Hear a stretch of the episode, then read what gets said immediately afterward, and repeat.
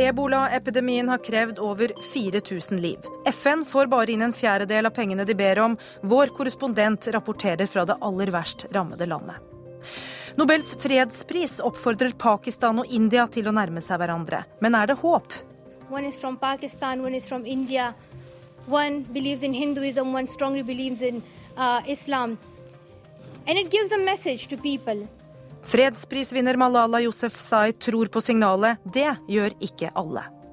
Kobani kan bli det nye Srebrenica, advarer FNs spesialutsending til Syria. Han oppfordrer Tyrkia til å åpne grensene og bidra militært i kampen mot IS. Og korrespondentbrevet beskriver i dag de mørke sidene ved amerikanske, og kanskje flere, sinn. Livscoach, mindfulness-terapeut eller helt vanlig psykolog. Jeg har prøvd alle sammen. Da ønsker vi god formiddag. Urix på lørdag begynner i dag i Liberia. Det aller hardest ebolarammede landet i Vest-Afrika. Av de totalt over 4000 som nå er døde av sykdommen, er 2300 registrert i Liberia. Og der er du, korrespondent Sverre Tom Radøy, og hvordan har det vært å komme til det kriserammede landet? Annerledesheten møter deg med en gang du går ned flytrappa og inn i bussen som skal ta deg med til ankomstterminalen. Ingen passasjerer tør å holde i eh, håndtakene i taket. De står og støtter seg som godt de kan. Når du går ut av eh, bussen, så venter deg et vaskevannsfat med en spring der du skal eh, vaske deg med, med klor. Så du skanner for feber av en dame med munnbind og kjøkkenhansker. Men så da inne i ankomsthallen og passkontrollen og så venter en betjening med det store smilet 'Welcome to Liberia'. Og Hvordan preger denne situasjonen eh, de som bor i landet, de du har møtt? Ja, eh, jeg har møtt eh, flere personer som i dag sier at dette bare blir verre og verre. Det er personer som er journalister, helsearbeidere og behandlere. Og alle sammen sier at situasjonen nå er mer prekær enn det var bare for få dager siden. Det blir strengere og vanskeligere å jobbe, og utstyret blir ikke mer, snarere tvert imot. Eh, de jeg treffer, hilser jo ikke på hverandre på vanlig måte. Ingen kontakt, ikke engang det karslig klapp på skulderen er lov her nå. Eh, hilser med albuene, dunker borti hverandre med lange ermer. Eh, frokosten i dag morges så delte jeg sal med en eh, gjeng amerikanske soldater. Noen har kommet fram, tydeligvis. Eh, generalen selv var en eh, jovial eldre mann som gikk og dultet borti alle han traff med albuen og sa 'hi there'.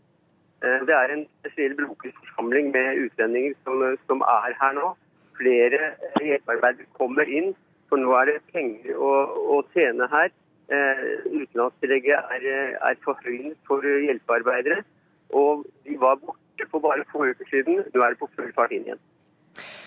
Eh, en litt eh, sprakete telefonlinje der, eh, Sverre Tom. Vi sier takk til deg, og så skal du få lov til å innhente enda flere inntrykk som kan høres og sees og leses i sendinger og på nett her i NRK utover dagen og de neste dagene.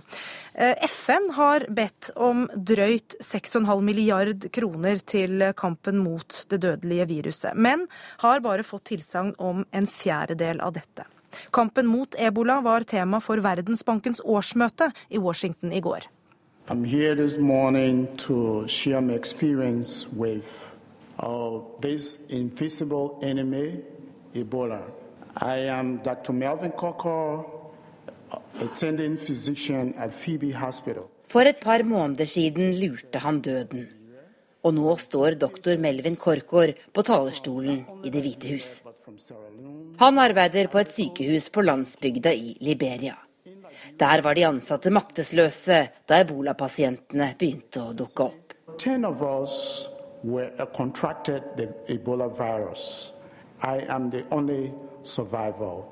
Ti av oss ansatte ble smittet og jeg er den eneste som overlevde, forteller Korkor helseministre og helsetopper fra hele verden på toppmøtet i Det hvite hus.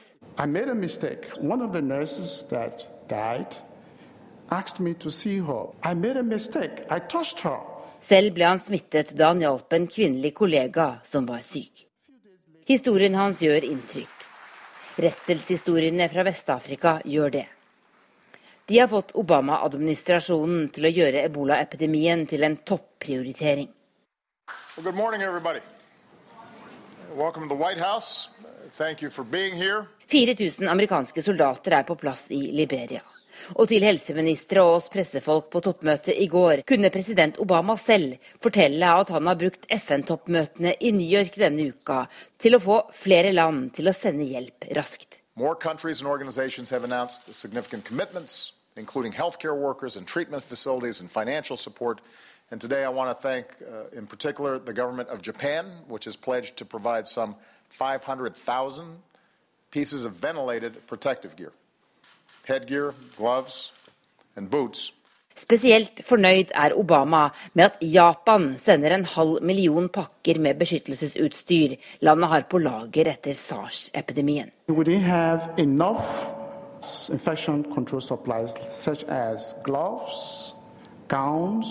Vi ble smittet ikke minst fordi vi manglet hansker og ansiktsmasker, forteller Melvin Korkor fra Liberia. Historien hans griper også Norges helseminister Bent Høie. Det å høre eh, hans historie om hvordan han med minimale eh, virkemidler og med litt kunnskap klarte å overleve ebola, forteller oss òg hva enormt potensial det er hvis vi, eh, de ulike landene, bidrar med det nødvendige utstyr, med moderne medisinsk utstyr. Da kan vi redde utrolig mange mennesker. Møtet i Det hvite hus i går hadde også som mål å etablere et globalt program for helsesikkerhet som skal hindre nye katastrofer som ebola. Norge skal bidra med å bygge opp folkehelseinstitutter i seks fattige land. Men på kort sikt er det viktigst å få nok kvalifisert helsepersonell av gårde til Liberia, Sierra Leone og Guinea. Doktor Melvin Korkor lar seg ikke skremme, og går nå tilbake til legejobben i Liberia. Now we are ready to go back to work. Phoebe Hospital is going to be reopened. Sykehuset vårt skal gjenåpnes, for nå har vi fått et behandlingssenter for ebola. Takk for hjelpen, sier legen på besøk i Det hvite hus. Thank you for supporting us. Thank you for supporting Liberia. Thank you for supporting West Africa. Thank you for listening.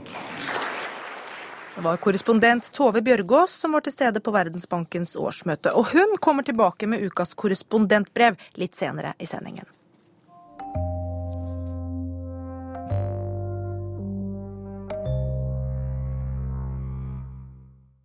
Feeling honored that I am being chosen as a Nobel laureate, and I have been honored with this, this precious award, the Nobel Peace Prize.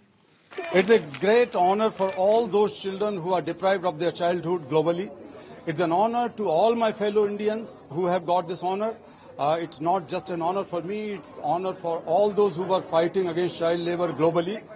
I går talte de to ferske fredsprisvinnerne til verden og takket for støtten. I dag diskuteres det i aviser og i organisasjoner om denne prisen er kontroversiell eller ei, om den er politisk eller ikke.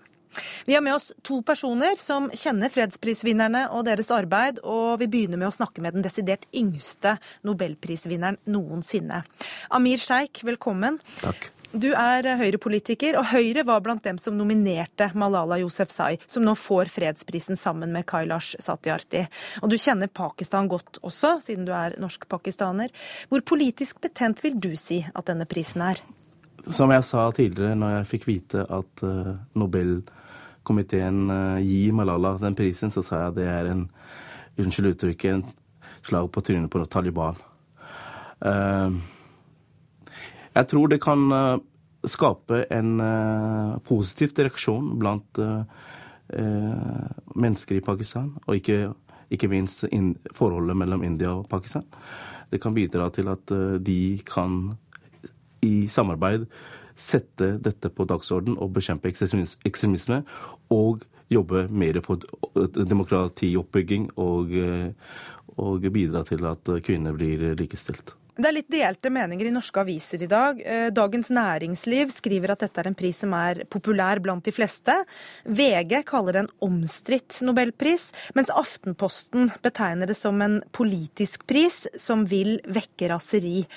Du sier at det er et slag i trynet på Taliban. Hvem av disse avisene er du mest enig med? Aftenposten. Så dette er en pris som vil vekke raseri. På hvilken måte? I og med at Malala har gått veldig på banen og sagt klart og tydelig hvor viktig det er å likestille kvinner og gi alle jenter rett til eh, skolegang. Vi vet, Bare i Pakistan så vet vi at over tre millioner jenter ikke har eh, rett til skolegang. Og det takket være sterke eh, Taliban-regimen. Eh, og, eh, og der har jo det er jo ganske mye politikk i dette, og der har jo Pakistan og pakistanske myndigheter et stort ansvar. Du har møtt Malala flere ganger, og var også den som inviterte henne til Norge i sommer. Ehm, og sammen med statsminister Erna Solberg har du også besøkt Svartdalen i Pakistan, der hun kommer fra. Hvilken betydning har hun og hennes sak hatt for jenter i områder som det hun kommer fra? Eh, veldig stort. Eh, eh, Malala er jo en stemme for disse jentene. Disse jentene som er ganske undertrykt. Eh, Malala gir dem et håp, og jeg håper at hun lykkes i den kampen hun har satt i gang. Vil hun stå sterkere nå etter at hun har mottatt fredsprisen? Absolutt, det er en anerkjennelse. Amir Sheikh, du blir med oss litt til, men først skal vi høre at Malala Yousefzai er Pakistan, og hele Pakistan er stolte.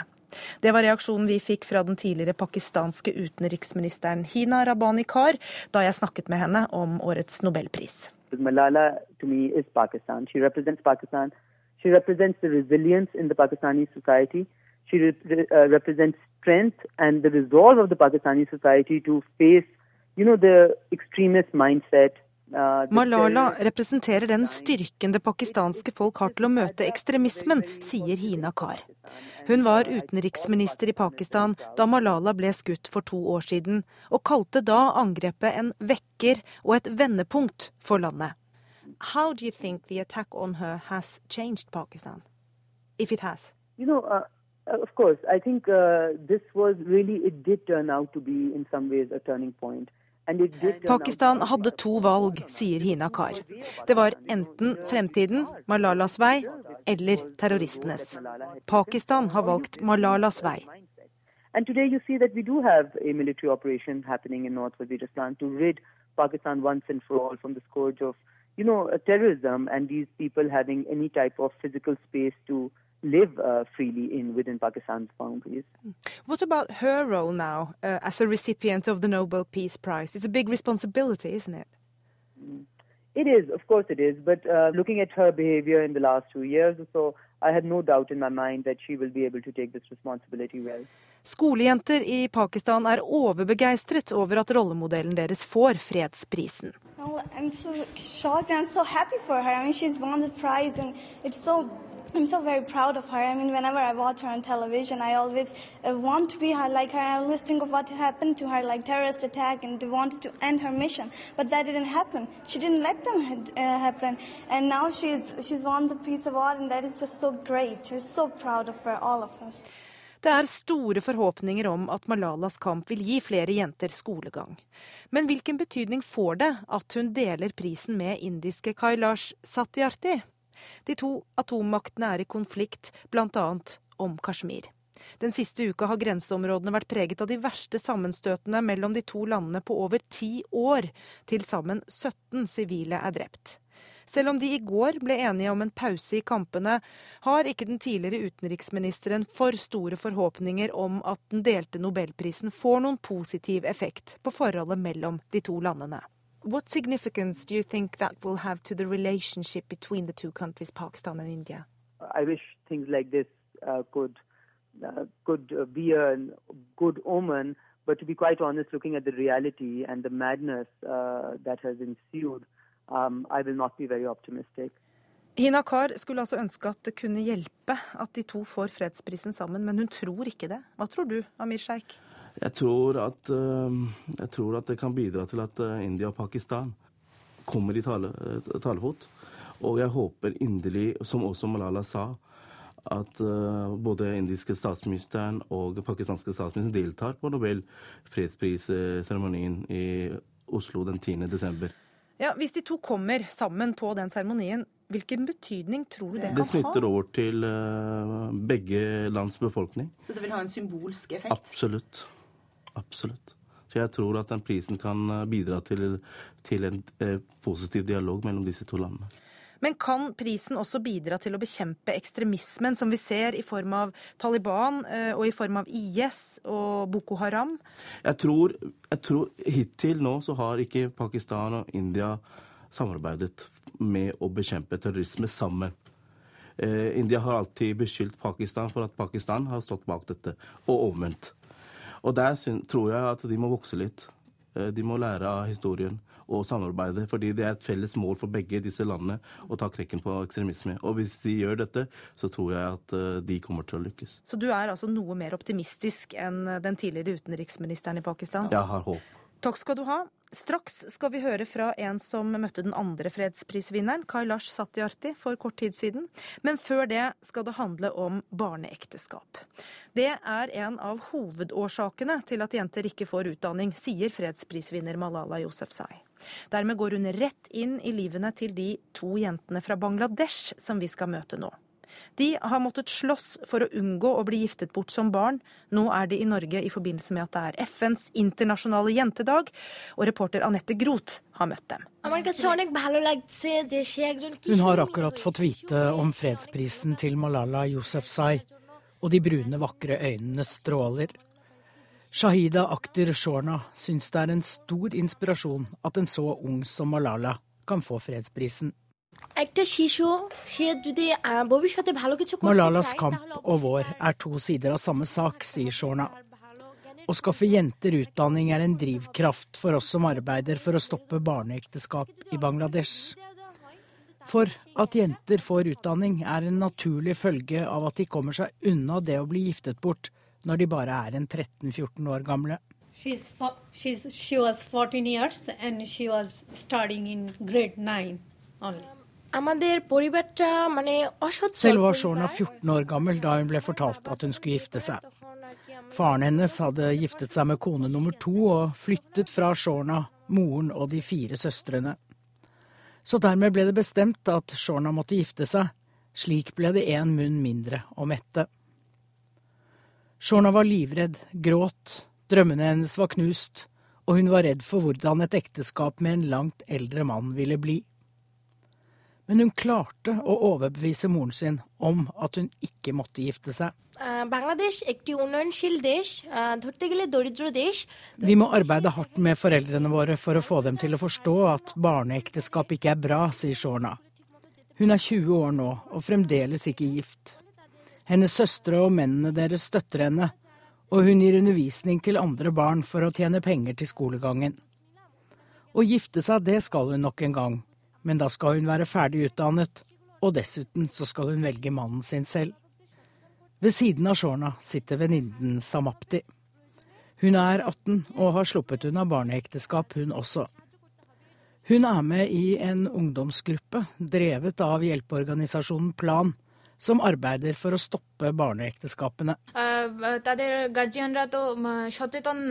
det er vanskelig å få foreldre til å forstå at de ikke må gifte bort døtrene sine mens de ennå er små barn, sier Samapti Rani Roy.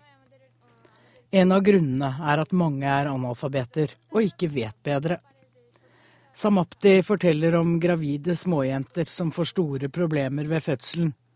Dødeligheten er høy, både for mødre og spedbarn. Sammen med en gjeng ungdommer reiser Samapti rundt på landsbygda i Bangladesh for å stoppe barneekteskap. Hittil har hun vært med på å stoppe 14 av dem. Selv er hun 18 år gammel og har fremtidsplanene klare. Hun skal bli lege.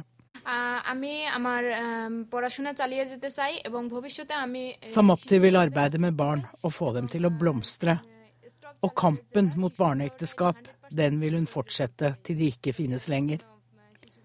Helt på tampen vil de to jentene fra Bangladesh igjen si noe om hvor glade de er for fredsprisen, spesielt til Malala. For de føler at en liten bit av den på en måte tilhører dem. and they are now inspired to hear the message Malala. Og selv om det altså er Plan Norge som har invitert disse jentene til landet i forbindelse med en eh, kampanje mot eh, barneekteskap, så er det Redd Barnas generalsekretær vi har invitert hit. Velkommen, Tove Wang. Takk. Før du forteller om dine møter med den andre prisvinneren, Kailash Satyarthi, eh, kan du si noe om konsekvensene for de jentene vi hører om her, som altså tvinges inn i ekteskap i veldig ung alder? Mm. Nå illustrerte jo reportasjen det godt. For det første så frarøves man en barndom, og man frarøves ofte muligheten til utdanning. Og så er det direkte livsfarlig. For 14-årige jenter har større sjanse for å dø i barsel. Og barna deres får også ha mindre sjanse for å vokse opp som eh, sunne barn og gå på skolen. Så det er, eh, har livsvarige konsekvenser for mor og barn. Men så er det jo også sånn at der hvor unge jenter har muligheten til å velge skole framfor tidlig ekteskap, så ser vi at første graviditet utsettes i to-tre år. Man flytter til svigerfamilien senere, og det redder faktisk liv. Så skole er et uh, viktig poeng også i saker som dette. Vi vil høre litt om ditt, dine møter med Kailash Satyarthi. Du møtte han senest for en drøy uke siden. Han er jo da ukjent for de fleste i Norge, og også har vi forstått eh, for veldig mange i India. Hva er ditt inntrykk av han og arbeidet hans? Altså, jeg traff han faktisk første gang for 20 år siden, tror jeg det var. Og så, så vidt nå under FNs generalforsamling. Han er jo en barnerettighetsforkjemper, og han er det både i ord og handling. Han er en person som eh, fysisk henter ut barn fra fabrikker og arbeidsplasser hvor barn grovt utnyttes. Eh, så han er både modig og utålmodig på samme tid, og får gjort veldig mye for, eh, for de barna som grå, på grovest mulig sett utnyttes. Men kampen mot barnearbeid eh, er for så vidt ikke enkel, fordi det er mange familier og mange samfunn som er avhengige av at barna arbeider? Altså Barnearbeid er jo en eh, konsekvens av fattigdom. Eh, og så er det jo mange former for barnearbeid, og det Kailash er opptatt av, er jo selvfølgelig å bli kvitt det groveste former for barnearbeid. I en ideell verden så arbeider ingen barn. Barn er barn, voksne tjener penger og sørger for sine barn. Verden er ikke sånn. Vi vet at mange barn må jobbe, eh, og da må man legge til rette sånn at de samtidig kan gå på skolen og samtidig noen timer om dagen kan være barn. Alt skadelig barnearbeid vil vi bli kvitt. Men hvis man legger til rette for det, er man ikke da på en måte med på å legitimere barnearbeid også? Jo, men vi må lytte til de barna det gjelder. Og veldig mange av de har en tydelig stemme som sier at hvis du gjør mitt arbeid illegalt eller ulovlig, så får jeg en enda vanskeligere situasjon. Eh, for vi er ikke der i dag hvor vi greier å sørge for absolutt alle de barna eh, som i dag jobber på et eller annet vis, uten at de selv skaffer seg noen inntekt. Mm. Vi snakket litt med Amir Sheikh tidligere her om hvor politisk kontroversiell årets fredspris er. Hva mener du om det? Altså, jeg undrer meg jo over at folk kan si at en sak som gjelder to 300 millioner barn og grove brudd på deres rettigheter ikke er en politisk sak. Eh, og Malala er jo et eksempel på at det nettopp er en politisk sak. Vi ser i økende grad angrep på elever, på skoler, og utdanning, utdanningsinstitusjoner brukes i krigssituasjoner. Eh, så det er veldig bra at dette nå løftes opp på den politiske agendaen. Og så er det et passende år å gjøre det i? Ja, det er noe sånn da, at Barnekonvensjonen er 25 år i år, så det er også en god timing fra Nobelkomiteen. Tusen takk skal du ha, generalsekretær i Redd Barna, Tove Wang.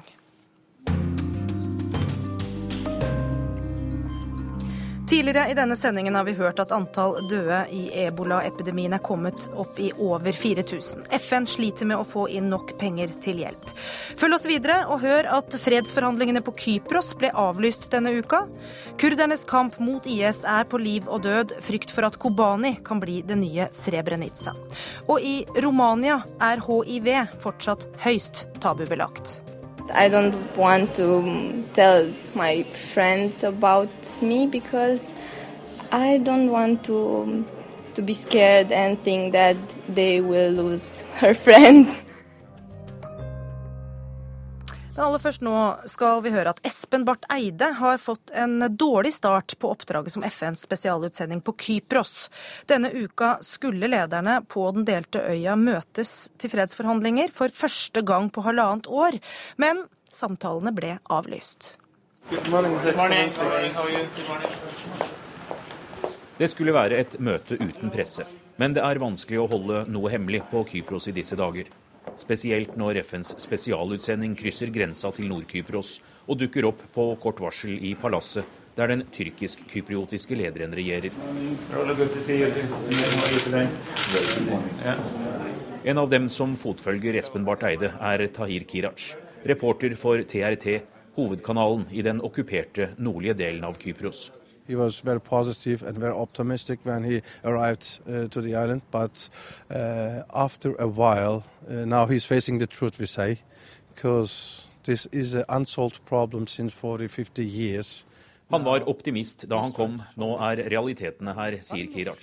The future seemed a little bit uh, dark, cloudy, we say, not dark, but cloudy. Kort tid før flyet med den nyutnevnte FN-utsendingen landet, kom beskjeden fra den greske delen av Kypros at de likevel ikke vil sette seg rundt bordet med tyrkiske nord. Det skulle være de første forhandlingene på halvannet år. Espen Barth Eide fikk oppdraget i sommer med å lede forsøkene på å gjenforene Kypros, 24 før ham har prøvd å løse den 40 år gamle konflikten. Det er selvfølgelig synd at de møtene vi nå hadde forberedt ganske grundig for denne uken, eh, ikke kunne holdes fordi eh, president Anastasiades bestemte seg for ikke å møte opp. Eh, men dette har jo bakgrunn i en komplisert situasjon offshore. Rettigheter om å lete etter olje og gass var det som utløste raseri på gresk side. Tyrkia varsler nemlig at de i slutten av måneden vil sende skip for å prøvebore i det som er den kypriotiske økonomiske sonen. Tyrkia, som handler på vegne av tyrkisk-kypriotene, mener de kan gjøre dette uten større internasjonale protester, fordi Kypros er splittet, og så lenge det ikke er en avtale, føler den tyrkiske siden at de har samme rettigheter til å utnytte energiressursene til havs som den greske delen. Framfor å forhandle er det inn og ut av bilen. Jeg begynner også å få et bilde av hvor de to partene er villige til å gi noe. Og jeg kan helt ærlig ikke se noe spørsmål som vi ikke vil være i stand til å bygge bro over, hvis det er vilje og tillit på begge sider. Problemet akkurat nå er jo at uh, vi får ikke demonstrert det fordi partene ikke vil sitte sammen. For to uker siden uh, ble de enige seg imellom og med meg om å møtes uh, to ganger i måneden. Dette var det første av de møtene. Det ble altså ikke holdt. Så akkurat nå har vi en det vi kan kalle en liten krise innenfor det store Kypros-problemet. Hey.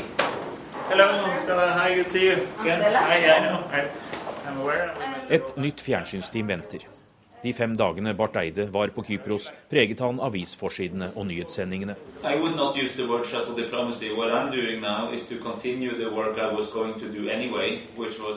Det er både forventninger og skepsis. Han får gjentatte spørsmål om hvorfor han tror han vil lykkes, når selv Kofi Annans plan om gjenforening for ti år siden ble avvist i en folkeavstemning. I'm, I'm me. I'm, I'm, I'm, Espen from Norway. I have some experience in this. I can only do this in my way. So I'm not here to define myself against somebody else.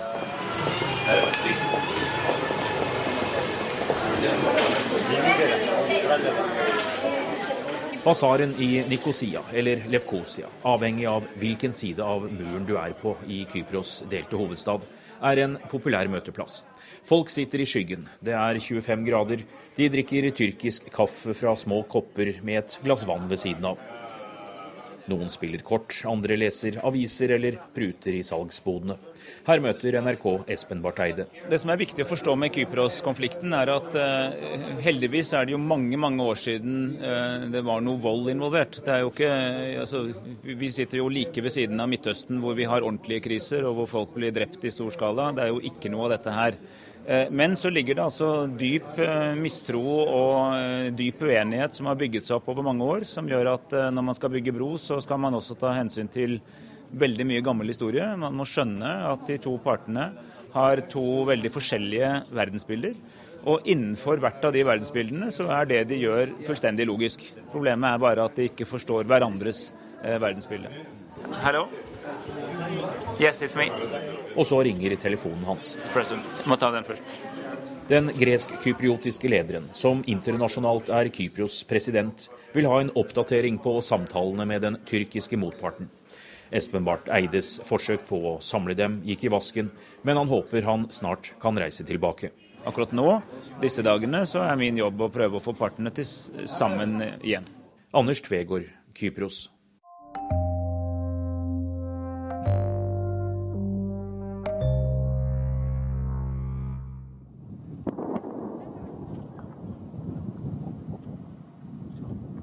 Amerikanske bomber faller rundt den syriske grensebyen Kobani. De siste meldingene derfra i dag går ut på at IS i går erobret det kurdiske hovedkvarteret i den strategisk viktige byen på grensen til Tyrkia, men at det i natt har vært harde kamper, og at sju angrep fra IS er slått tilbake av de kurdiske militssoldatene. FNs spesialutsending Staffan de Mistura mener Kobani står i fare for å lide samme skjebne som Srebrenica, der 8000 sivile bosniere ble drept av serbere i 1995. Og han kom i går med en sjelden politisk oppfordring til tyrkiske myndigheter.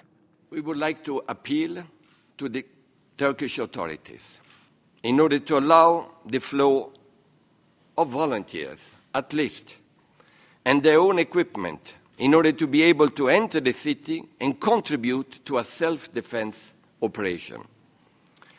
And if they can, to support the deterrent actions of the coalition through whatever means from their own territory.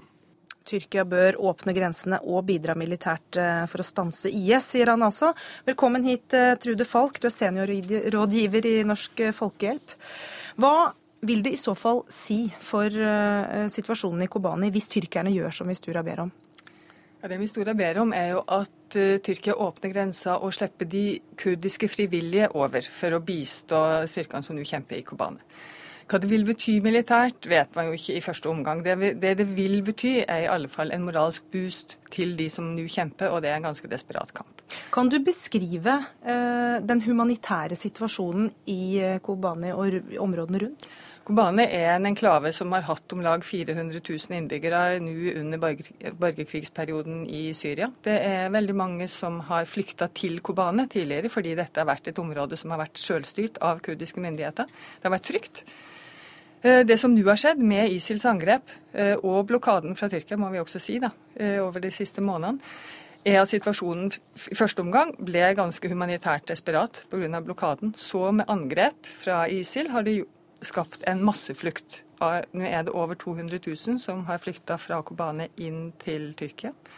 Vi vet ikke helt hvor mange som er igjen. Eh, det meldes om 700-800 sivile eldre inne i Kobane by som ikke kommer seg ut. Vi vet i tillegg at det er et sted mellom 10 000 og 15 000 sivile som holder seg på syrisk side av grensa fordi de ikke vil forlate eiendelene sine. ISIL sier du, IS eh, sier vi, men det er også samme organisasjon vi snakker om. Eh, dette er jo et dilemma for Tyrkia, fordi eh, de er i konflikt med si, sine egne kurdere. Og det er, det er et veldig vanskelig og komplekst situasjon for dem. Hva tror du de kommer til å gjøre med disse oppfordringene de nå får fra FN? Tyrkia er en vanskelig situasjon. Det er helt klart. Men samtidig så ser det jo ut som de spiller et relativt høyt politisk spill. De, Tyrkia har, hatt, stilt tre hovedkrav, eller de har tre, eh, tre forslag. De vil ha en buffersone, en eh, flyforbudssone, men de vil også at hovedfokus skal være fjerning av Assad. Og før det internasjonale samfunn går med på dette, så sitter Tyrkia på sidelinja. Mm. I mellomtida utvikler katastrofen seg i Kobane. Og Kobane har stor humanitær betydning, men også politisk symbolsk betydning for kurderne. Og dermed kan ha store implikasjoner. Vi skal høre at FN-utsendingen de Mistura også er bekymra for hva som kan bli følgende av at eh, IS nå ser ut til da, å få kontroll eh, over i hvert fall store deler av Kobane. If Kobane al-Arab falls, there will be close to 400 kilometers of the Turkish border to be basically under control of ISIL out of the 900. And what will be next? Other villages? Even Aleppo? Ja, hva blir det neste? Aleppo?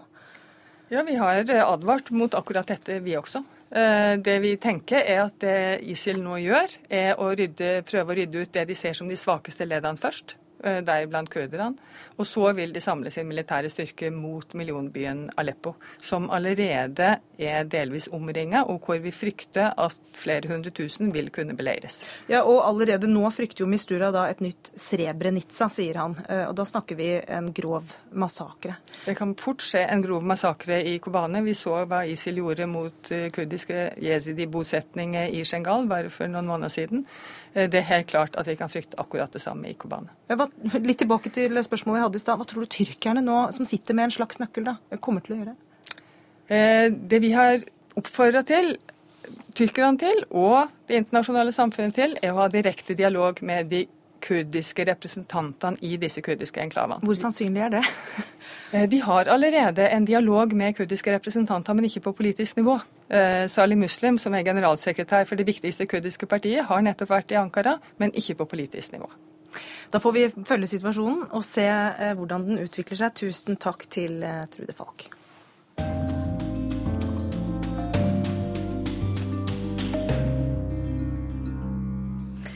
Om tre og en halv uke er det kongressvalg i USA. Og det er stor sannsynlighet for at republikanerne overtar flertallet også i Senatet.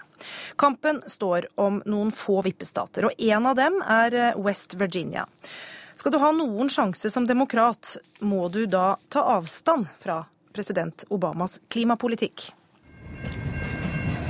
Lyden av varselsignalet og kulltogene som passerer i langsom fart gjennom sentrum, er beroligende for de om lag 2000 sjelene i Williamson, West Virginia. For i årene med Obama som president er gruver lagt ned og antall gruvearbeidere sunket. Arbeidsløsheten i fylket vi besøker er nesten dobbelt så høy som snittet i USA. Without coal, it would be a ghost town. Uten kull vil Williamson bli en spøkelsesby, sier professor Bill Richardson, født, oppvokst og bosatt med jernbanelinja og kulltogene som nærmeste nabo.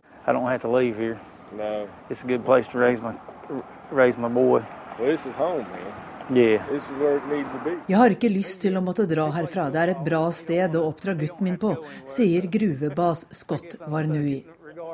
Dette er hjemmet vårt. Det er her vi ønsker å være, supplerer Chris Hackney. Han kjører doser og driver sikring av tak og vegger inne i gruvene. Det er ikke som det var for fem-seks år siden, er de begge enige om. Vi møter dem rett etter jobb like ved stoppestedet for kulltogene.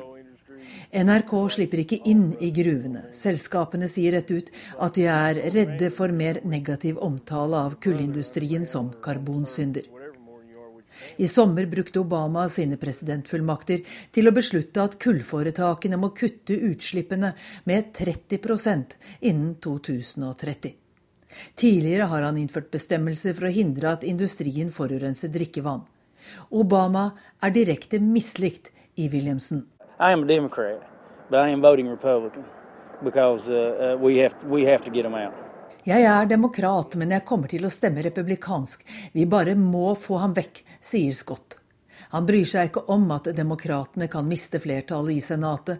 Det viktigste er å forsvare kullet, og republikanerne oppleves som mer industrivennlige.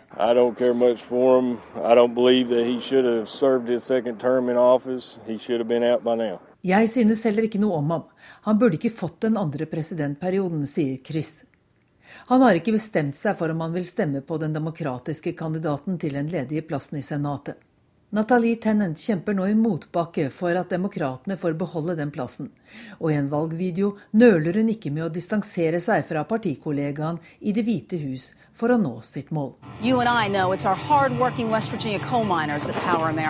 Du og jeg vet at det er de hardtarbeidende kullgruvearbeiderne i West Virginia som gir landet strøm, sier Tennant og fortsetter.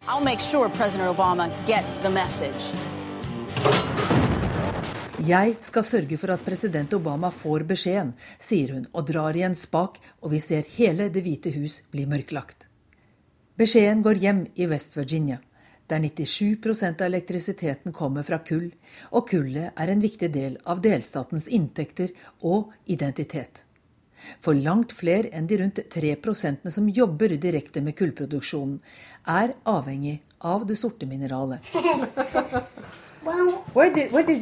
Vi treffer familien til gruvearbeider Chris i et enkelt kassehus i bunnen av en skyggefull dal, med gårdsplassen full av redskap til å grave grøfter som skal avlede vannet som sildrer ned fra en nedlagt gruvesjakt på åsen like bak huset. To gutter, seks og sju år, spiller videospill på TV-en innimellom praten rundt bordet. Jeg spør mor Jessica om hun ser for seg at guttene følger i farens fotspor. Ikke som gruvearbeidere, kanskje som ingeniører eller i jobber på utsiden, sier Jessica. Hun forbereder seg på å måtte flytte.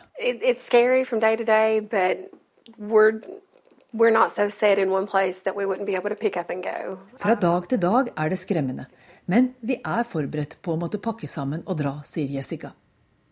Chris jobber ofte tolvtimers dager og tjener rundt 600 000 kroner i året. Penger legges til side, og familien unngår å leve på krita. Hvis du ikke kan betale cash, så trenger du det ikke. Det er vårt motto, sier gruvearbeiderkona. Hun er realistisk og usikker på kullets framtid. Over halvparten av West Virginias kull selges til Kina og andre amerikanske delstater, for fortsatt står kull for nær 40% av elektrisiteten her i USA. Men kombinasjonen av naturgass og strengere miljøkrav vil ubønnhørlig redusere betydningen av kullet. Og mange lokalsamfunn hvor det er skoler og butikker i dag, kommer gradvis til å bli tømt for mennesker. Ingen senator vil kunne stanse den prosessen sa korrespondent eh, Gro Holm, og det blir mer fra West Virginia i Søndagsrevyen i morgen kveld.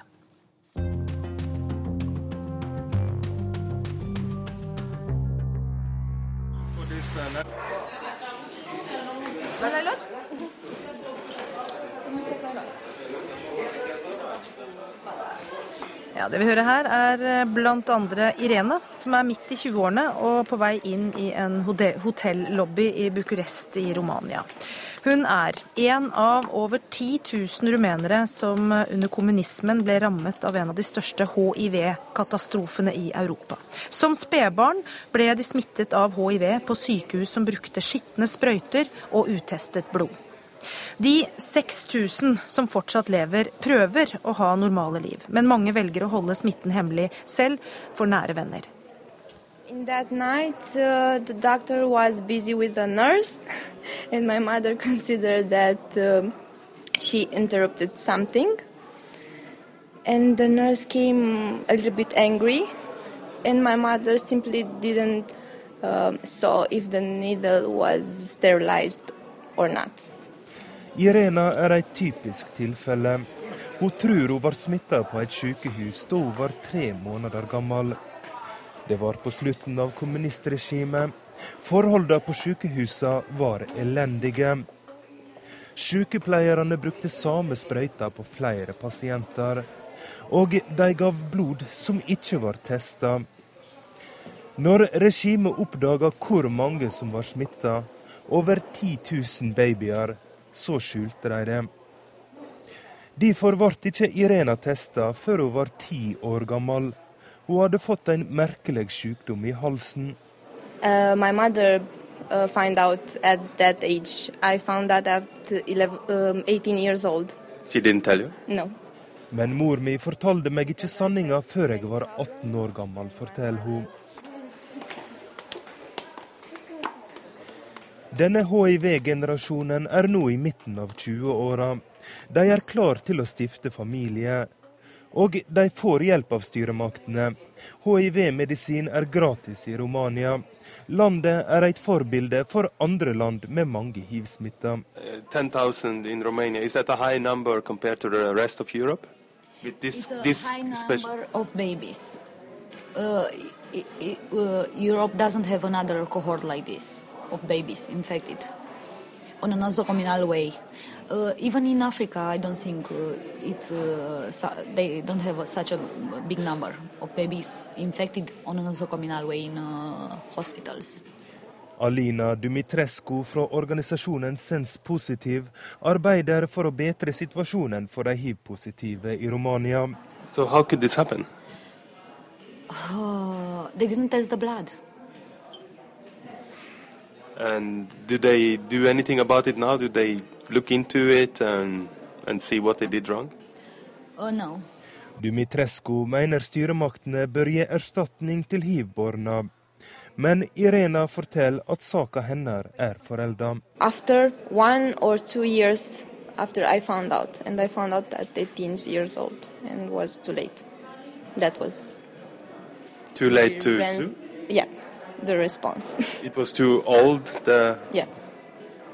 and they are not willing to do anything? No. Hiv er svært tabubelagt i Romania. Det er ei stor skam. De som har sykdommen, blir ofte utstøtt av venner og familie. Irena forteller hun er heldig. Hun har venner og familie som støtter henne. Men hun kvir seg på å fortelle alle vennene sine at hun er hiv-positiv. I don't want to tell my friends about me because I don't want to to be scared and think that they will lose her friend, their friend, and I don't want to um, mm, be hyperprotective with me or something like this. No. Ja, fordi hun ønsker at dette ikke skal eh, komme ut til alle, så er Irena uten etternavn eh, hos oss. Og det var reporter Roger Severin Bruland som rapporterte fra Romanias hovedstad Bucuresti.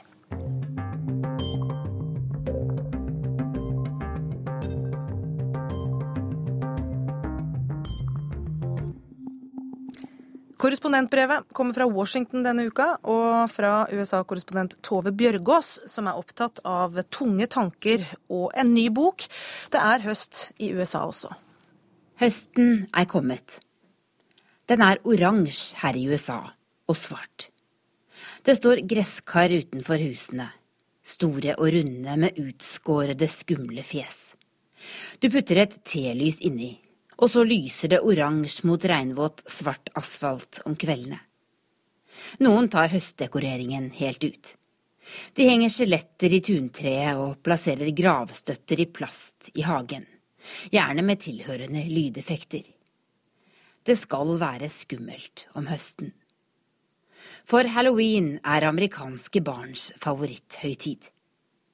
De beundrer alt det skumle i flere uker, mens de gleder seg intenst til å ta på seg årets nøye planlagte kostyme. 31. oktober er som julaften. Tenk å være fire år og få gå dør til dør og si trick or treat. Så skummel du ser ut, sier de voksne til en vampyr eller en heks eller Batman og legger godteri i barnas gresskarformede kurv. Men tida går fort. Barn blir raskt tenåringer, og da får mange skumlere monstre å kjempe mot enn noen usle skjeletter i plast. En god venn dumper ned i lenestolen i stua hjemme hos oss. Han gleder seg ikke til halloween i år. Det er datteren hans. Hun er 14 og måtte flytte hjemmefra. Det gikk bare ikke lenger. Vi kan kalle henne Klara. Klara er enebarn, flink på skolen, populær og utadvendt. Men etter hvert tok selvskadingen overhånd. Min venn gjemte barberblad og kniver, men hun fant alltid noe. En pinsett, en neglesaks, et speil som kunne knuses. Den private ungdomsskolen Klara gikk på, ble for krevende. Livet foregikk på Instagram og Snapchat. Pappa måtte starte full overvåking av mobiltelefonen hennes. Til slutt la den skoleflinke, fotogene jenta ut en lang video på YouTube, der hun detaljert fortalte om hvor deprimert hun var. Om hvor mange hun kjenner som har det på samme måte. Som skader seg selv, og om noen som har forsøkt å gjøre slutt på alt sammen. Om hvordan hun forstår dem. Det ble for mye for ledelsen ved Klaras skole. Nå har hun flyttet til et behandlingssenter i en annen delstat, der jenter med depresjoner får hjelp og undervisning. Min venn er glad for denne løsningen, men forstår ikke helt hvorfor det ble slik. Han er ute av seg av bekymring der han sitter i lenestolen. Hvordan skal det gå nå? Viktigst er det selvsagt at datteren får hjelp, men det koster flere hundre tusen kroner i året på den internatskolen. Og hva skjer etterpå? Hva med karakterene? Hva med college? Konkurransen er knallhard. Det er ikke rom for mange feilskjær om en skal lykkes i streberbeltet like nord for den amerikanske hovedstaden. Arbeidsmarkedet er syltynt. Nyutdannede med fire års universitetsutdanning jobber som servitører. Flere vil bli nødt til å jobbe frilans i framtida, mener eksperter. Og da må en være sterk. Tro på seg selv. I går var verdensdagen for psykisk helse. Akkurat som i Norge var det mange her som brukte den til å fokusere på unge jenter. På at stadig flere tenåringer har stresslidelser fordi de stiller så høye krav til seg selv. For akkurat som i Norge er det mange tenåringer her som er mer som Klara enn som Malala. De kommer aldri til å vinne noen nobelpris og gjøre voksne mennesker målløse ved å snakke om hvor viktig det er å få sjansen til å gå på skole. De er nok med å få trent og holde hodet over vannet på Facebook og Instagram. Det er andre stemmer som setter ord på det de strever med. En slik stemme tilhører Lina Dunham. Hun er kvinnen bak TV-serien Girls. Den på kanten til vulgært ærlige HBO-serien om en vennegjeng tidlig i 20-åra og alt de sliter med. Dunham får mye oppmerksomhet om dagen. Selvbiografien hennes, Ikke en sånn jente, selger godt og kom på norsk denne uka. Den begynner slik. Jeg er 20 og hater meg selv. Håret mitt, ansiktet mitt, formen på magen min måten foreldrene mine snakker til meg på. Boka handler om alle de flaue tingene. Om å være fem kilo for tjukk selv om en bare spiser helsekost.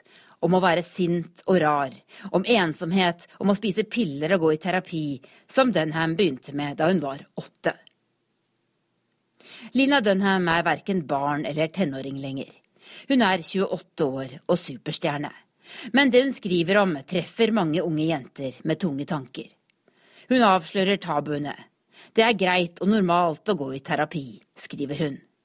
Det gjorde begge foreldrene hennes også. Dette er et land med mange psykologer. Det finnes nok enda mange flere per innbygger i Argentina, har jeg lest. Men blant bemidlede amerikanere i byer som Washington er det helt vanlig å gå i terapi. Drøyt 27% av voksne amerikanere går i terapi på et eller annet tidspunkt i livet, ifølge en undersøkelse fra 2012. Det er ikke noe å skamme seg over. Å gå til psykolog er litt som å gå til tannlegen her. Det gjør en for å ta vare på seg selv. Og det er slikt en godt kan snakke om i middagsselskaper, i alle fall litt utpå kvelden. Jeg synes i grunnen det er nokså befriende.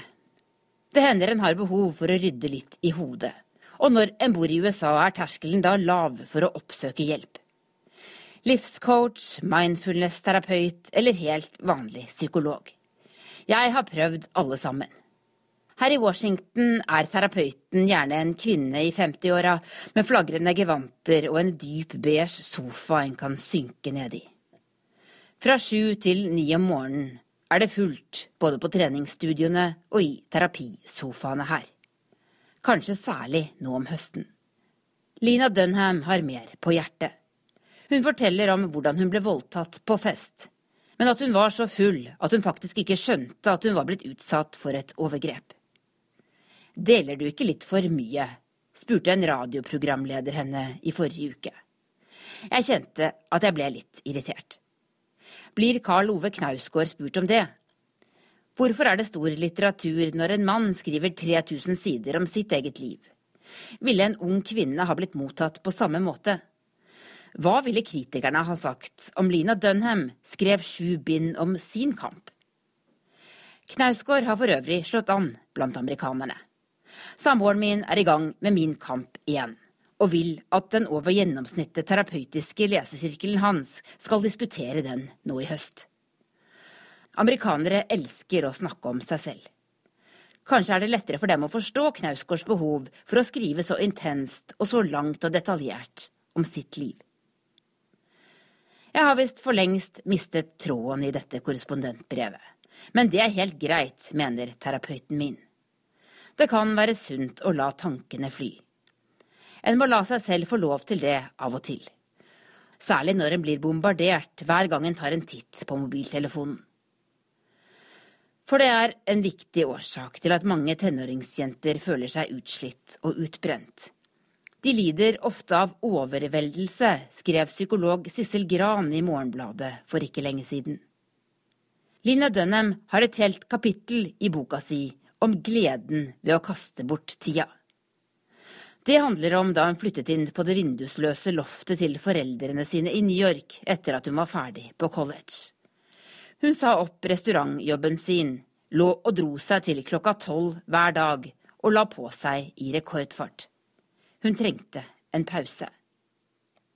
Å kaste bort tid er ikke noe amerikanske tenåringer jeg kjenner er bortskjemt med, der de fyller livene sine med skole og lekser og fritidsaktiviteter som skal bygge CV-en slik at de en dag kan komme inn på et riktig anerkjent universitet, og slik at foreldrene deres skal slippe å betale alt det kommer til å koste. Å la tankene fly er ikke pensum i amerikanske videregående skoler. Klara har tatt en timeout fra alt dette. Hun har fått inndratt både mobil og PC, og får bare ringe hjem når psykologene ved internatskolen sier det er ok. Digital detox ser ut til å hjelpe, mener faren hennes der han sitter i lenestolen. Ikke mer Instagram og selvutlevering på YouTube. Ikke mer jakt på anerkjennelse på sosiale medier. Han håper det skal hjelpe datteren til å bli gladere allerede nå i høst. Jeg heier på både Klara som får hjelp, og faren hennes som snakker om det de går igjennom. Det er lov å ta livet innover seg om høsten. Og det er virkelig ikke noe å skamme seg over. Det var USA-korrespondent Tove Bjørgå som avsluttet denne sendingen fra Urix på lørdag. Kommenter gjerne sakene våre eh, på sosiale medier. Emneknaggen er NRK Urix. Og se oss igjen på TV mandag kveld på NRK2. Ansvarlige for dagens sending var Erik Sandbråten, Lars Christian Rød og Gry Blekastad Almås. Vi takker for følget og ønsker dere en god helg videre.